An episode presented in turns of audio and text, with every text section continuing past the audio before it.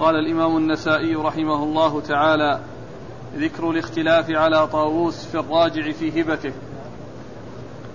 قال أخبرنا زكريا بن يحيى قال حدثنا إسحاق قال حدثنا المخزومي قال حدثنا وهيب قال حدثنا عبد الله بن طاووس عن أبيه عن ابن عباس رضي الله عنهما أن رسول الله صلى الله عليه وآله وسلم قال العائد في هبته كالكلب يقيء ثم يعود في قيئه. بسم الله الرحمن الرحيم. الحمد لله رب العالمين وصلى الله وسلم وبارك على عبده ورسوله نبينا محمد وعلى آله وأصحابه أجمعين.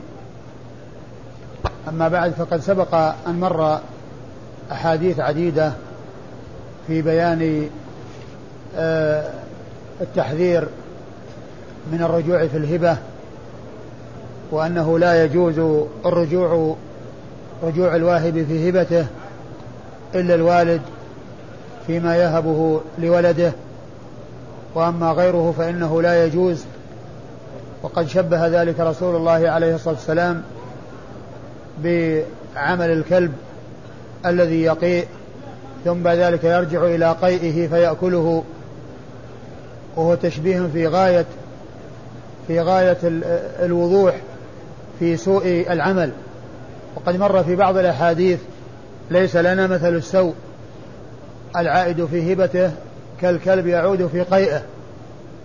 وقد مر ذلك في الأحاديث التي قبل هذا الحديث.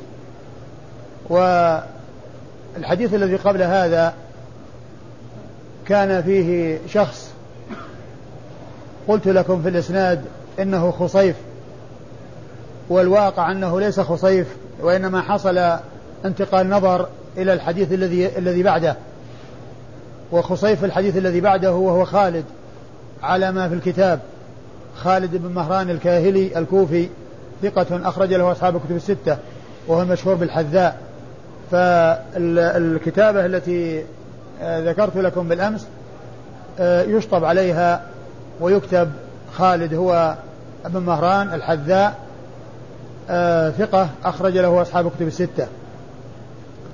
والحديث الذي مر مع أو الطريق الذي مر مع الطريق الذي قبله صدر بقوله ليس لنا مثل السوء لأن هذا مثل يعني فيه تشبيه يدل على سوء المشبه وأن تشبيهه بالمشبه به الذي هو الكلب وعمله فيه خسة وفيه دناءة وفيه قبح فلا يليق, فلا يليق بالمسلم أن يكون شأنه هكذا بل إذا أعطى الهبة فإنه يخرجها من نفسه ولا تتعلق نفسها نفسه بها وإنما آه، آه، يخرجها من نفسه ولا يعلق نفسه بها. والحديث مر من طرق عديدة وهذا من هذه الطرق. والإسناد قال أخبرنا زكريا بن يحيى. أخبرنا زكريا بن يحيى السجزي وهو ثقة أخرج حديثه النسائي وحده. عن إسحاق. عن إسحاق بن راهوية إسحاق بن مخلد بن راهوية الحنظلي المروزي ثقة آه، فقيه وصف بأنه أمير المؤمنين في الحديث وحديثه أخرجه أصحاب الكتب الستة إلا ابن ماجه. وإسحاق بن راهوية كثيرا ما يروي عنه النسائي مباشرة إلا أنه في بعض المواضع يروي عنه بواسطة. وكثيرا ما آه، في فيما مر بنا رواية زكريا بن يحيى. زكريا بن يحيى يعني آه، رواياته آه، كثيرا ما تكون عن إسحاق بن راهوية الذي هو شيخ للنسائي ولكنه يروي عنه بواسطة بعض شيوخه الآخرين وقد تكرر ذلك في حق زكريا بن يحيى السجزي. و و عن عن عن المخزومي. عن المخزومي وهو أبو هاشم.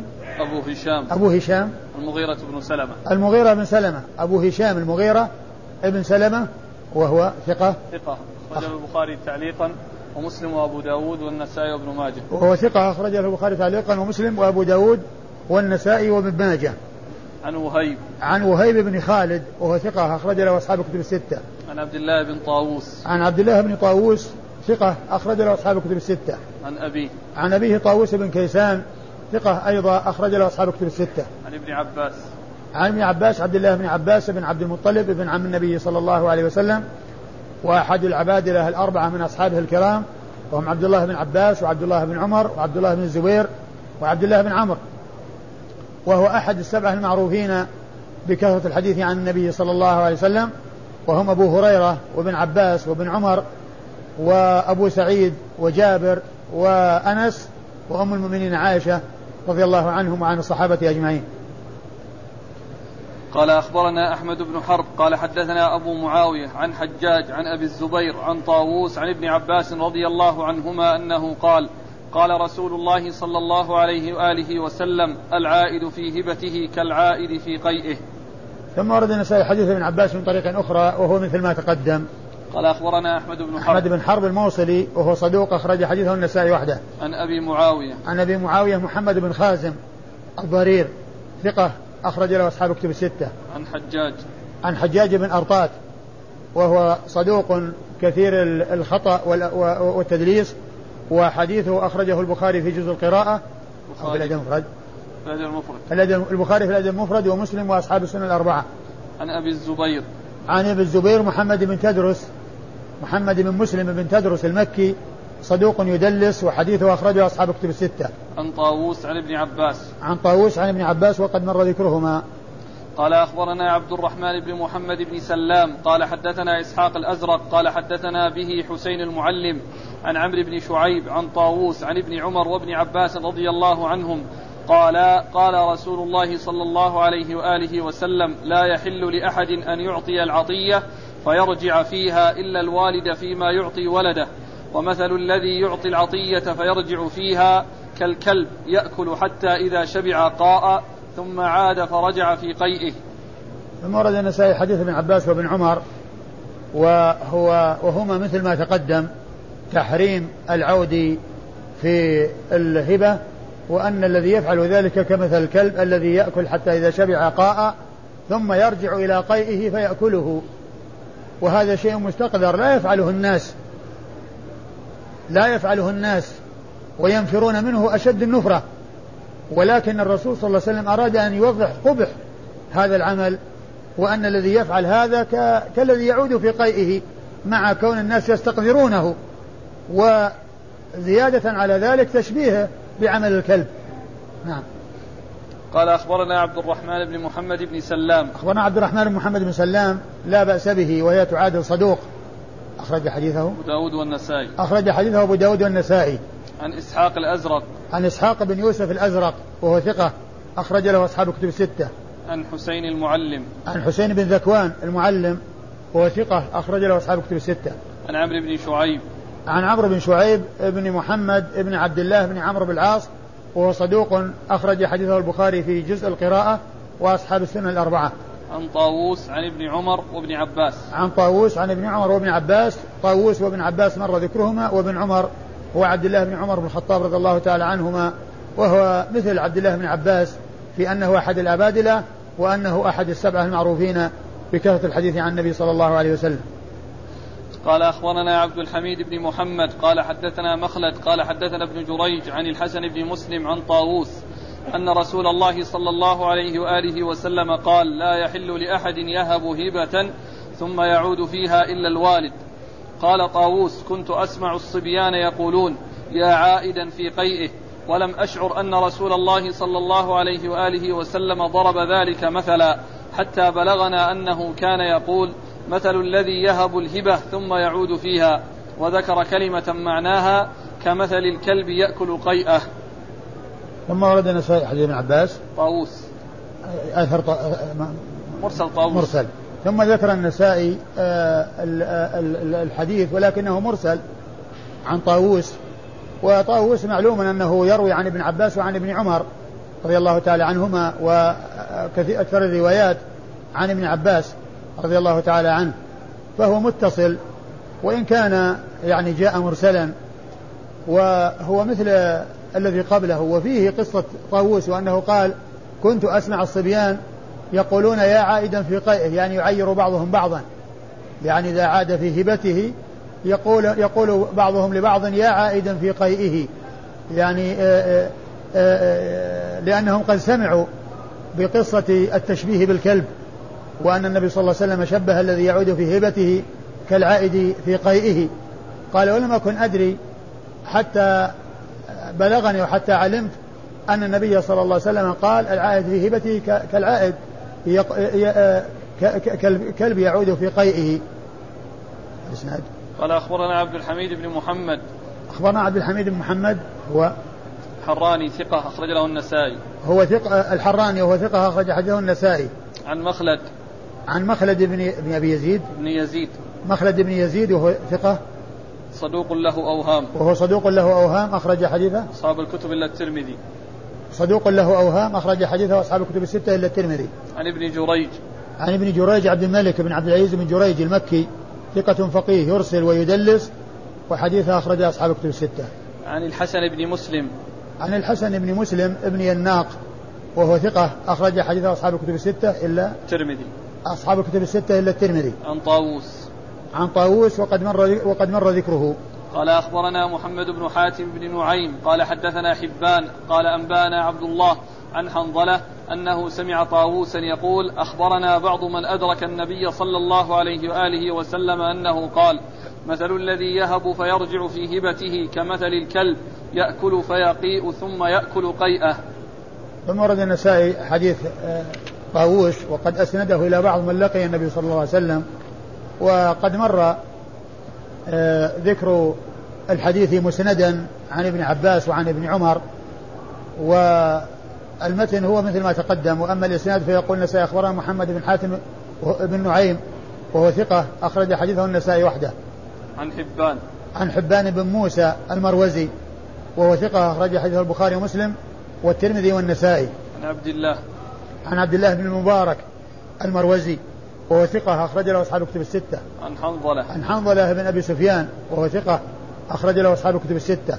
عن طاووس عن بعض من أدرك النبي عن طاووس عن بعض من أدرك النبي صلى الله عليه وسلم قال كتاب الرقبة ذكر الاختلاف على ابن أبي نجيح في خبر زيد بن ثابت فيه قال أخبرنا هلال بن العلاء قال حدثنا أبي قال حدثنا عبيد الله وهو ابن عمرو عن سفيان عن ابن أبي نجيح عن طاووس عن زيد بن ثابت رضي الله عنه عن النبي صلى الله عليه وآله وسلم أنه قال الرقبة جائزة.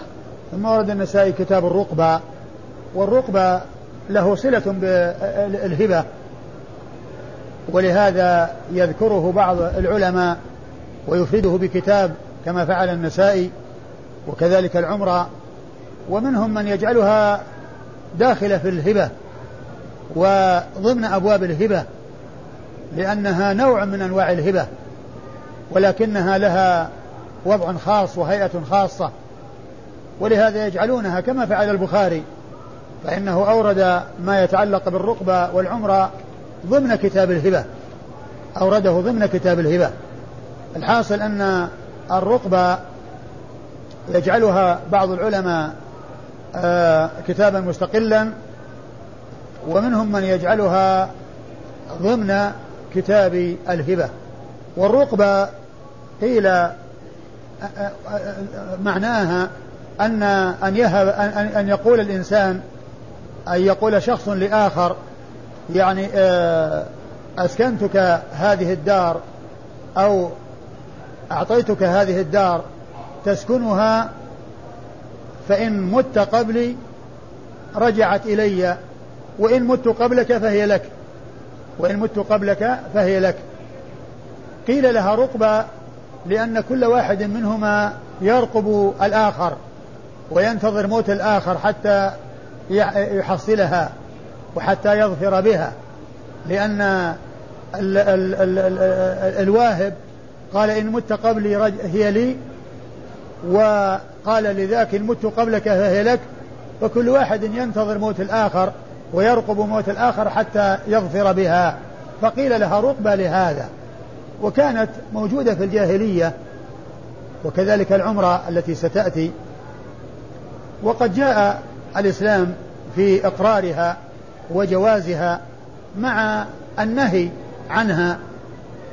فقيل إنه للتحريم أو للتنزيه وإنما نهي عنها مع أنها لو وجدت فإنها معتبرة وثابتة لأنها يكون ما يكون للنفس ارتياح بعدما يتصرف الإنسان وتحصل ويحصل منه أن يرقب قد يحصل منه الندم ويحصل منه أشياء ولهذا نهي عنها إما تحريما وإما تنزيها لما يترتب عليها من آه ما يحصل في نفس الإنسان من الندم وأن يعطي شيئا يرجو ثوابه ثم يندم عليه.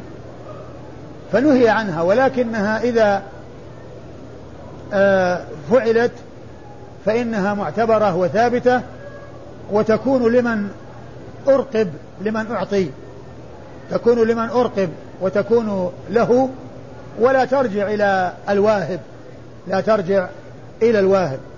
ثم ورد النسائي حديث زيد بن ثابت رضي الله عنه قال الرقبة جائزة يعني هي كانت في الجاهلية وأقرت في الإسلام وحكمها مستمر وتكون لمن أرقب أي الذي أعطي فإنها تكون له ولا ترجع إلى المرقب إلى إلى إلى, إلى, إلى الذي الذي أرقب الذي هو المعطي لا ترجع إليه وإنما تكون للمعطى الذي أرقب.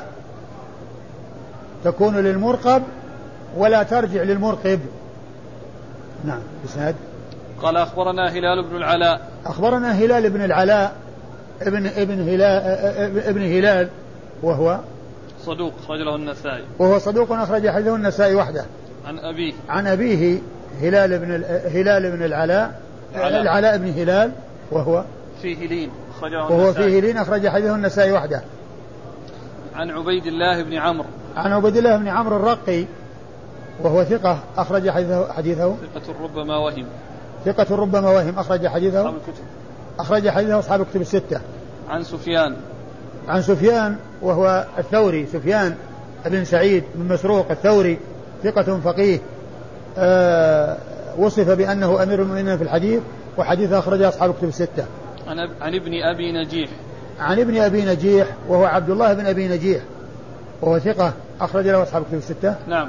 أخرج له أصحاب الكتب الستة. عن طاووس عن زيد بن ثابت. عن طاووس وقد مر ذكره عن زيد بن ثابت رضي الله عنه وحديثه أخرجه أصحاب الكتب الستة.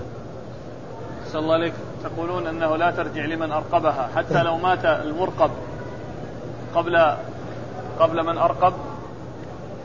لو مات المرقب لا هي تكون له ولورثته تكون له ولعقبه كما سيأتي.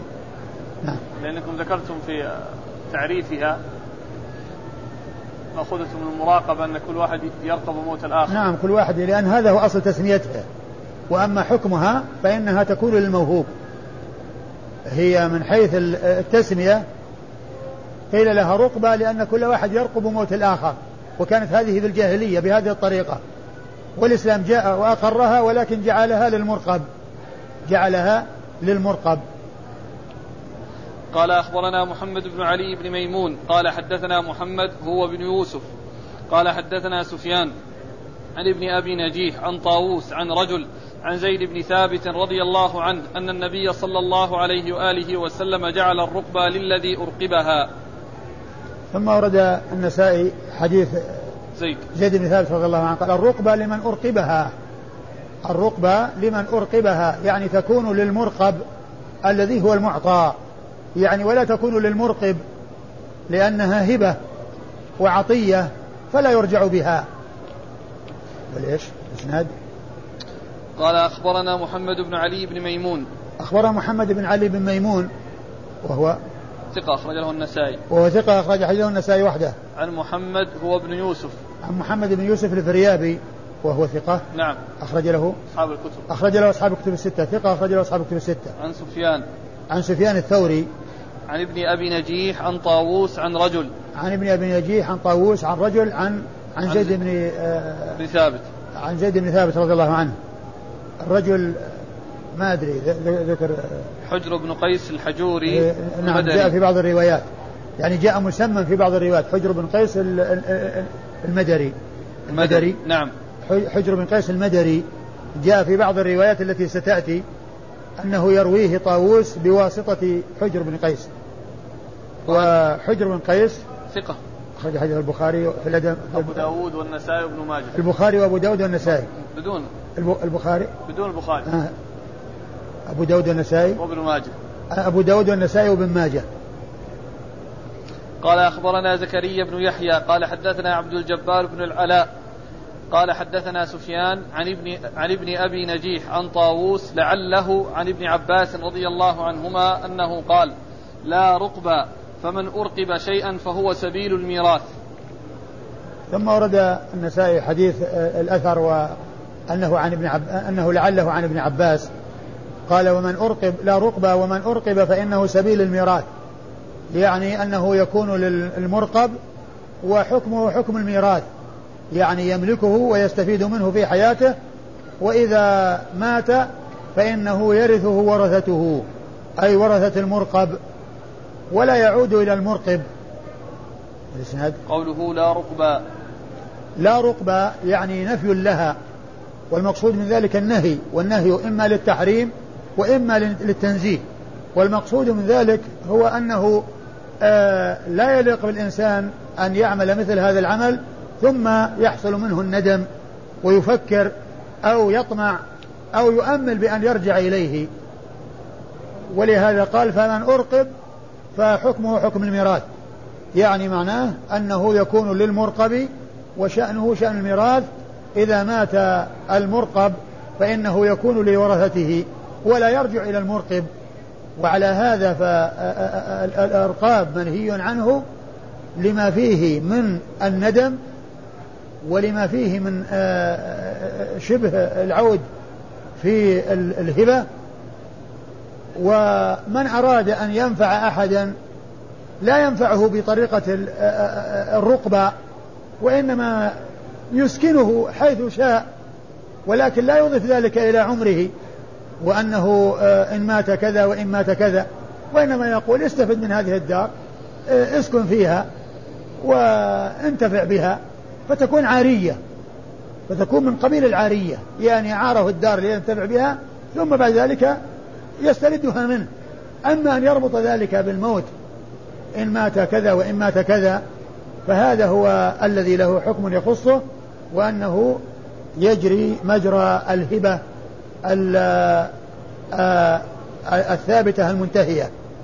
نعم. قال أخبرنا زكريا بن يحيى عن زكريا بن يحيى مر ذكره. عن عبد الجبار بن العلاء. عن عبد الجبار بن العلاء وهو لا بأس به أخرج له مسلم والترمذي والنسائي. وهو لا بأس به وهي بمعنى صدوق أخرج له مسلم والترمذي والنسائي. عن سفيان. عن سفيان هو الثوري. في في ترجمة عبد الجبار بن العلاء. أيوه. لا يروي إلا عن سفيان بن عيينة. يعني في تهذيب التهذيب تهذيب الكمال؟ تهذيب الكمال. لا يروي إلا عن سفيان بن عيينة؟ أي أو من روى عنه؟ يعني سفيان يروي عن من؟ سفيان يروي عن ابن أبي نجيح. ابن أبي نجيح يروي عنه السفيانان اي نعم صحيح. لكن يروي عن سفيان. ها؟ أقول نعم يروي عن السفيانان ابن أبي نجيح يروي عنه السفيانان والحديث الأول الذي مر الذي فيه عبيد الله بن عمرو عن سفيان عبيد الله بن عمرو هذا لا يروي إلا عن عن عن, عن, عن الثوري. نعم. أي نعم. والثاني وهو محمد بن يوسف الفريابي. أيوه. يروي عن السفيانين. أيوه. لكن نعم. هذا الأخير عبد الجبار بن العلاء لم يذكر المزي إلا أنه يروي عن سفيان بن عيينة فقط. إيه ما أدري ما أدري يعني لا يكون قضية يعني يعني هل شو اسمه هذا اللي يروي عنه؟ عبد الجبار بن العلاء. عبد الجبار بن العلاء وش تاريخ عبد الجبار بن العلاء وش تاريخ وفاته؟ مات سنة 48 وهو من العاشرة 48 أي إيه على كل يدرك الثوري أقول مدرك الثوري كثير يعني لأن الثوري توفي سنة 61 سنة 61 يعني معناها 48 48 إيه 48 يصير آه، بينه وبينه 13 سنة. يعني 13 آه، سنة. يمكن يكون هو لعله هذا الذي هو ابن عيينة لأنه يعني عمره صغير. يعني عند وفاة الثوري عند وفاة الثوري يعني عمره 13 سنة. اللي هو عبد الجبار عبد الجبار بن العلاء؟ كيف يكون؟ لا لا عبد الجبار بن العلاء؟ إيه. 200 200 نعم إيه؟ لا لا. اي نعم. ما يدرك الثوري. أقول ما يدرك الثوري. نعم. لأنه يصير يعني معناه ثمان ثمان وسبعين سنة ثمان وسبعين سنة. يعني يعني بين وفاته ووفاة الثوري 78 سنة. ذكر مدة عمره؟ لا. على كل. يعني ما دام إن المزي قال ابن عيينة فيكون ابن عيينة بدل الثوري. سفيان ابن عيينة المكي ثقة أخرج له أصحاب كتب الستة. عن ابن أبي نجيح عن طاووس لعله عن ابن عباس. عن ابن أبي نجيح عن طاووس لعله عن ابن عباس. يعني آه الذي الروايات عن زيد بن ثابت وهنا فيها شك اللي هو عن ابن عباس. قال ذكر الاختلاف على أبي الزبير. قال أخبرنا محمد بن وهب قال حدثنا محمد بن سلمة قال حدثني أبو عبد الرحيم قال حدثني زيد عن عن أبي الزبير عن طاووس عن ابن عباس رضي الله عنهما عن رسول الله صلى الله عليه وآله وسلم أنه قال لا لا ترقبوا لا ترقبوا. أموالكم ترقبوا. لا ترقبوا أموالكم فمن أرقب شيئا فهو لمن أرقبه. ثم ورد النسائي حديث ابن عباس لا ترقبوا أموالكم. يعني لا تخرجوها عن طريق الإرقاب بهذه الطريقة التي كانت معروفة في الجاهلية إن مت قبلي فلي وإن مت, وإن مت قبلك فهو لك. ولكن من حصل منه أن لم آه، أن لم يترك الإرقاب بل أرقب فإنه يكون للمرقب. فإنه يكون للمرقب أي للموهوب المعطى يكون له. أيوه. قال أخبرنا محمد بن وهب. محمد بن وهب الحراني وهو صدوق أخرج له النسائي. صدوق أخرج حديثه النسائي وحده. عن محمد بن سلمة الحراني وهو ثقة أخرج حديثه البخاري في جزء القراءة ومسلم وأصحاب السنة الأربعة. محمد بن سلمة هذا غير محمد بن سلمة الذي يروي عنه النسائي كثيرا لأن ذاك مصري وهذا حراني والمصري هو من شيوخه وأما الحراني من طبقة شيوخ شيوخه. كما هنا فإنه يروي عنه بواسطة فهما متفقان في الاسم واسم الأب وأحدهما المصري من شيوخه والحراني من شيوخ شيوخه. نعم. عن أبي عبد الرحيم. عن, أبد عن أبي عبد الرحيم وهو خالد بن أبي يزيد. نعم. خالد بن أبي يزيد الحراني. وهو ثقة أخرج حديثه البخاري في الأدب المفرد ومسلم وأبو داود والنسائي البخاري في الأدب المفرد ومسلم وأبو داود والنسائي عن زيد عن زيد بن أبي أنيسة وهو ثقة أخرج له أصحاب الكتب الستة. عن أبي الزبير. عن أبي الزبير مر ذكره. عن طاووس. عن طاووس عن ابن عباس وقد مر ذكرهما. قال أخبرنا أحمد بن حرب قال حدثنا أبو معاوية عن حجاج عن أبي الزبير عن طاووس عن ابن عباس رضي الله عنهما أنه قال قال رسول الله صلى الله عليه وآله وسلم العمرة جائزة لمن أعمرها والرقبة جائزة لمن أرقبها والعائد في هبته كالعائد في قيئه. ثم ورد النسائي حديث ابن عباس. نعم. حديث ابن عباس في ذكر الرقبة ومعها العمرة. العمرة العمرة إيش؟ جائزة لمن أعمرها. العمرة جائزة لمن أعمرها والرقبة جائزة لمن أرقبها والعائد في هبته. في هبته كالعائد في قيئه يعني ذكر العمرة الرقبة وقد مر ذكرها وذكر العمرة وهي آه، أن آه، يعني ليس فيها شيء من الطرفين كما يكون في الرقبة التي فيها كل واحد يرقب موت الآخر وإنما هي من طرف واحد. يقول ملكتك أو أسكنتك أو منحتك أو أعطيتك هذه الدار لتسكنها مدة حياتك. وقالوا إنها لها ثلاث أحوال. أن يقول هي لك ولعقبك. أعطيتك هذه الدار أو أسكنتك هذه الدار هي لك ولعقبك. هذه أمرها واضح.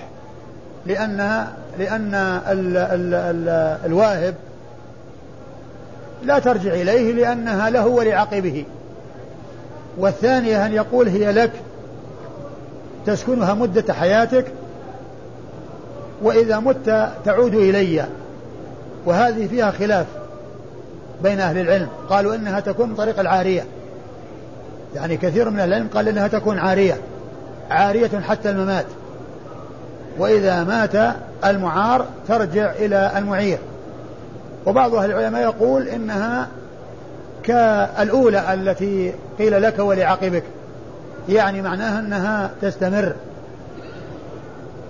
والحالة الثالثة تكون مطلقة. يعني قال أسكنتك مدة حياتك ولا قال لعقبك ولا قال إنها ترجع لي ترجع لي إن مت. وإنما أطلق وقال أسكنتك إياها مدة حياتك. قالوا هذه مطلقة وتحمل على الطريقة الأولى. تحمل على الطريقة الأولى وفيها أيضا خلاف. ولكن المسألة الثانية هي التي فيها خلاف قوي لأهل العلم. يعني كثير منهم قالوا إنها من قبيل العارية وليست من قبيل العمرة التي هي تكون للوارث تكون للمعمر ولورثته. الحاصل أن هذه هذا هو تعريف العمرة وهي تختلف عن الرقبة. من جهة أن الرقبة فيها جانبين وكل واحد يرقب موت الآخر ليرجع إليه أو ليحصل الشيء الذي آه، حصل إرقابه. وأما العمرة فليس فيها شيء من الطرفين وإنما هي من طرف واحد لطرف آخر. وتكون إما فيها ذكر العقب وهذه أمرها واضح ولا إشكال فيها وإما مقيدة بالوفاة وإذا مات ترجع إليه وتكون من قبيل العارية على قول كثير من العلم وعلى قول بعضهم أنها كالحالة الأولى والحالة الثالثة أنها مطلقة وفيها خلاف والمشهور أنها كالحالة الأولى. أيوة. طيب المعنى الآن إيش يكون؟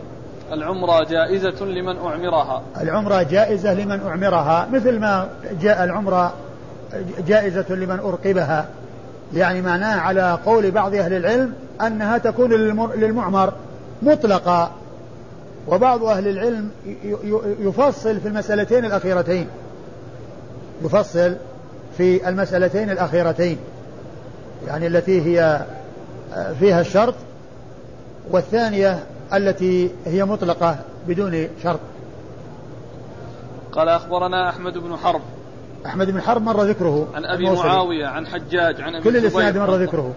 قال أخبرنا محمد بن بشار قال حدثنا يحيى قال حدثنا سفيان عن أبي الزبير عن طاووس عن ابن عباس رضي الله عنهما أنه قال العمرة والرقبة سواء. ثم ورد النسائي حديث ابن عباس العمرة والرقبة سواء يعني حكمهما حكمهما واحد. وهذا يقتضي أن تكون يعني حكم العمرة كالرقبة في أنها تكون للموهوب يعني الرقبة كما تكون له تكون له العمرة كما تكون له الرقبة. نعم. قال أخبرنا محمد بن بشار. محمد بن بشار الملقب بن دار بصري ثقة أخرج له أصحاب الكتب الستة بل هو شيخ في أصحاب الكتب الستة. عن يحيى. عن يحيى القطان. يحيى بن سعيد القطان ثقة أخرج له أصحاب الكتب الستة. عن سفيان عن سفيان هو الثوري. عن أبي الزبير عن طاووس عن ابن عباس. عن أبي الزبير عن طاووس عن ابن عباس وقد مر ذكرهم. موقوف. نعم. نعم وهو موقوف عليه. قال أخبرنا أحمد بن سليمان قال حدثنا يعلى قال حدثنا سفيان عن أبي الزبير عن طاووس عن ابن عباس رضي الله عنهما أنه قال لا تحل الرقبة ولا العمرة فمن أعمر شيئا فهو له ومن أرقب شيئا فهو له ثم ورد النسائي حديث ابن عباس لا تحل الرقبة ولا العمرة. يعني مثل قوله لا ترقبوا ولا تعمروا. يعني معناه إنه نهي وهل النهي للتحريم أو للتنزيه؟ على خلاف بين أهل العلم.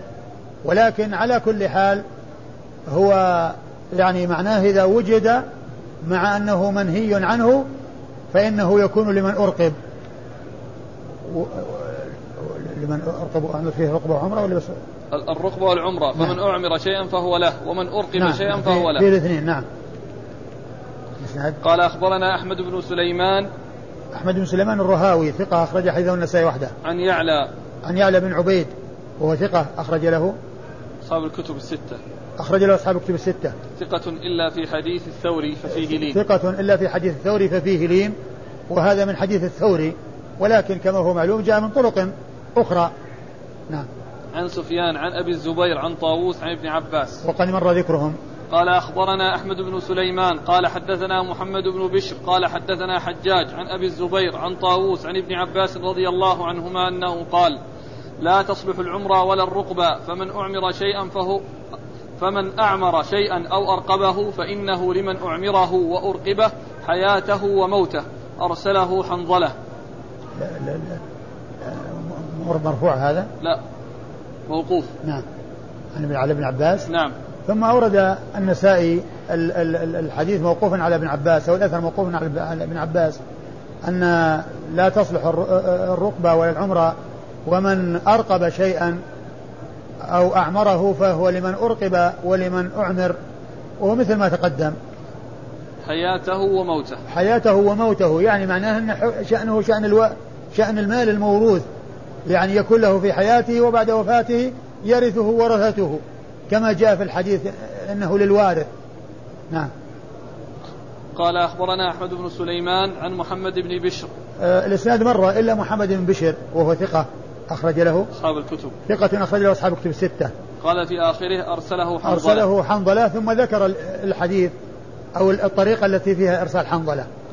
قال أخبرنا محمد بن حاتم قال أنبأنا حبان قال حدثنا عبد الله عن حنظلة أنه سمع طاووسا يقول قال رسول الله صلى الله عليه وآله وسلم لا تحل الرقبة فمن أرقب رقبة فهو سبيل الميراث. ثم ورد النسائي الحديث ولكنه مرسل مرسل طاووس.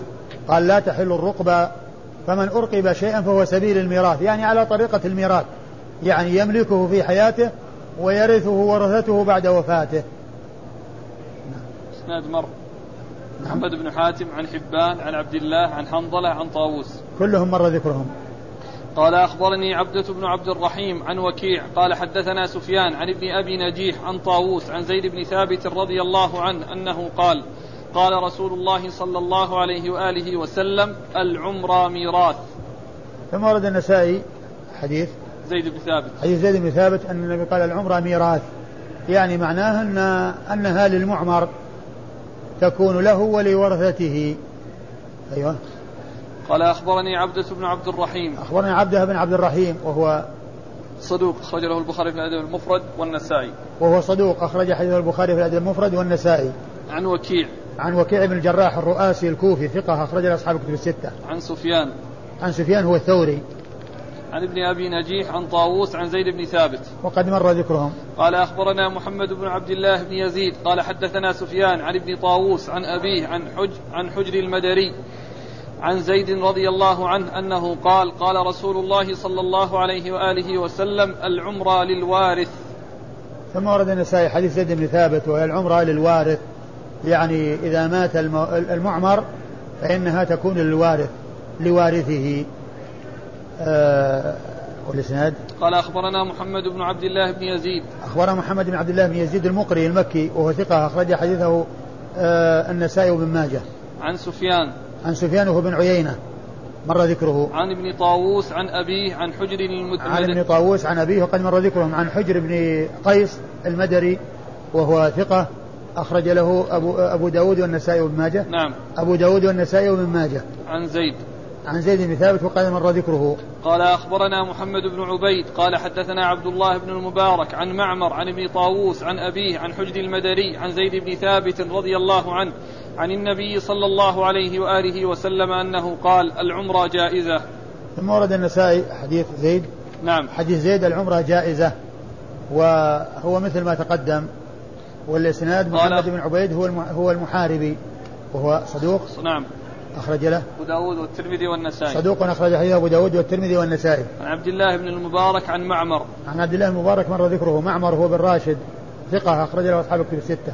عن ابن طاووس عن أبيه عن حجر المدري عن زيد بن ثابت. وقد مر ذكرهم جميعا. قال أخبرنا محمد بن عبيد عن ابن المبارك عن معمر عن عمرو عن عمرو بن دينار عن طاووس عن زيد بن ثابت رضي الله عنه عن النبي صلى الله عليه وآله وسلم أنه قال العمرة للوارث. ثم ورد النسائي حديث زيد بن ثابت وهو مثل ما تقدم. الإسناد؟ قال أخبرنا محمد بن عبيد عن ابن المبارك عن معمر عن عمرو بن دينار. عمرو بن دينار المكي ثقة أخرجه أصحاب الكتب الستة. عن طاووس عن زيد. عن طاووس عن زيد وقد مر ذكرهما. قال أنبانا عبد الله عن معمر قال سمعت عمرو بن دينار عن يحدث عن طاووس عن حجر المدري عن زيد بن ثابت رضي الله عنه أن رسول الله صلى الله عليه وآله وسلم قال العمرة للوارث. ثم ورد النسائي حديث زيد بن ثابت من طريق أخرى وهو مثل ما تقدم والإسناد قد مر ذكر ذكر ذكر رجاله كلهم كل رجال ذكر رجاله كلهم والله تعالى أعلم وصلى الله وسلم وبارك على عبده ورسوله نبينا محمد وعلى آله وأصحابه أجمعين.